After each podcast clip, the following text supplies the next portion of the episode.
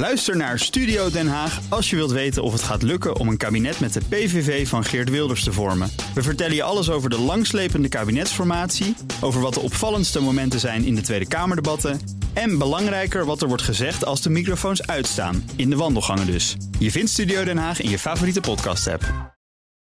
Tech Update.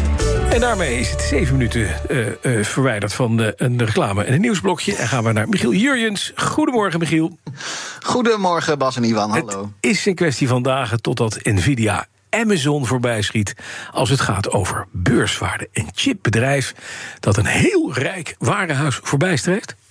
Ja, echt een, echt een enorm rijk warenhuis. Het zou de eerste keer in 20 jaar zijn dat inderdaad zo'n chipbedrijf dat online warenhuis voorbij gaat. Als je alleen al naar 2024, dit jaar, kijkt, nam de waarde van Nvidia met 40% toe. In vijf weken tijd dus. Market cap ligt nu op 1,7 biljoen dollar. Nou, dan kijken we naar Amazon. Dat is afgerond naar boven 1,8 biljoen dollar waard. En dan komt ook Alphabet al in zicht. Het moederbedrijf van Google. Dat is iets meer dan 1,8 biljoen waard.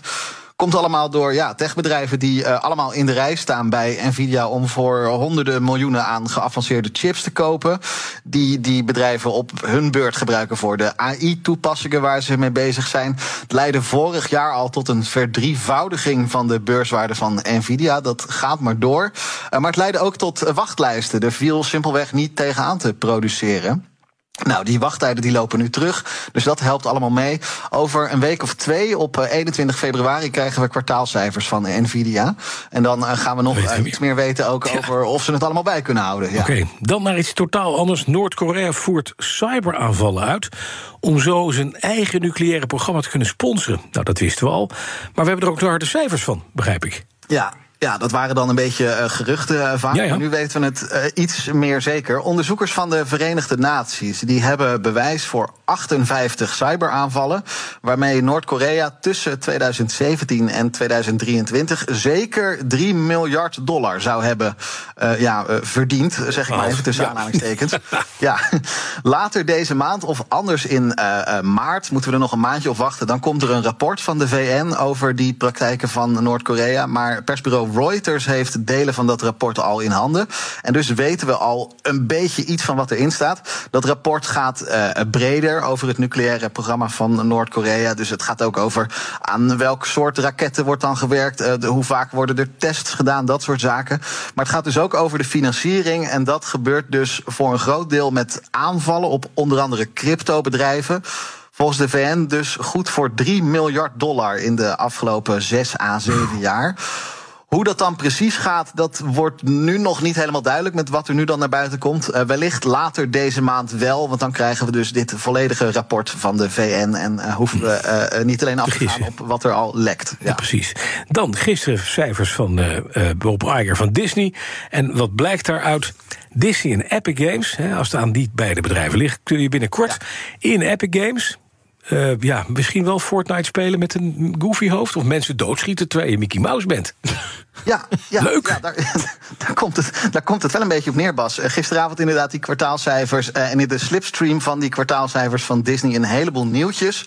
Waar bij mij inderdaad uh, opviel dat Disney... anderhalf miljard dollar investeert in Epic Games. Kennen we als de maker van Fortnite. Ja. heel populair schietspelletje, nog altijd. Dat gaat ook al een jaar of zes mee. Um, Epic Games komt ook vaak voorbij in de tech-update... maar dan vooral als er weer eens een ruzie is met Apple of Google... Google. Dat gaat dan over betaalmethodes in hun apps. Nu gaat het dus even puur over uh, het gamen zelf. Epic Games heeft dus deze investering te pakken. En het lijkt er dus inderdaad op dat je straks met Disney-figuren Fortnite kan spelen. Het is nu ook al zo dat je uh, bijvoorbeeld bepaalde Marvel-personages kunt gebruiken in je Fortnite-spelletje. Hm. Eerder vanochtend, Bas, spraken jullie Jean-Paul van Oudheusden. Ja. Die is analist bij eToro. Die zei ook, ja, door dit te doen krijg je toch het gevoel dat er eindelijk eens wat nieuws komt van Disney. Dus dat is wel slim. En ik denk dat het marketingtechnisch ook heel slim is. Uh, de Fortnite, we zijn in het. Het is een schietspel. Uiteindelijk gaat het om mensen doodschieten. Maar je zou het wel een vrolijk schietspel kunnen noemen. Het is kleurrijk. Uh, geen, geen, geen bloed. Oh. Geen ledematen die wegvliegen. Geen mm-hmm. hele expliciete nare beelden die je te zien krijgt. Het wordt veel gespeeld door jonge kinderen. En ja, zo krijg je wel weer een generatie jonge mensen die in aanraking komt met die Disney-wereld. Ja. Zij het met geweren en zo in dit geval. Ja, ik ik denk denk, dat- het wel werkt. Dat je iedereen kan doodschieten zonder dat het gaat bloeden. Dat is een goed, Ja. goed educatief momentje. Ja, Eh, en dan als Mickey ja. Mouse. Ja, nee, lachen. Ik ben helemaal tegen. Michiel Jurjens, dankjewel. De BNR Tech Update wordt mede mogelijk gemaakt door Lenklen. Lenklen. Betrokken expertise, gedreven innovatie. Bij BNR ben je altijd als eerste op de hoogte van het laatste nieuws. Luister dagelijks live via internet. Bas van Werven. En heel langzaam komt de zon op rond dit tijdstip. Je krijgt inzicht in de dag die komt op BNR, het Binnenhof in Nederland en de rest van de wereld. De Ochtendspits. Voor de beste start van je werkdag. Blijf scherp en mis niets.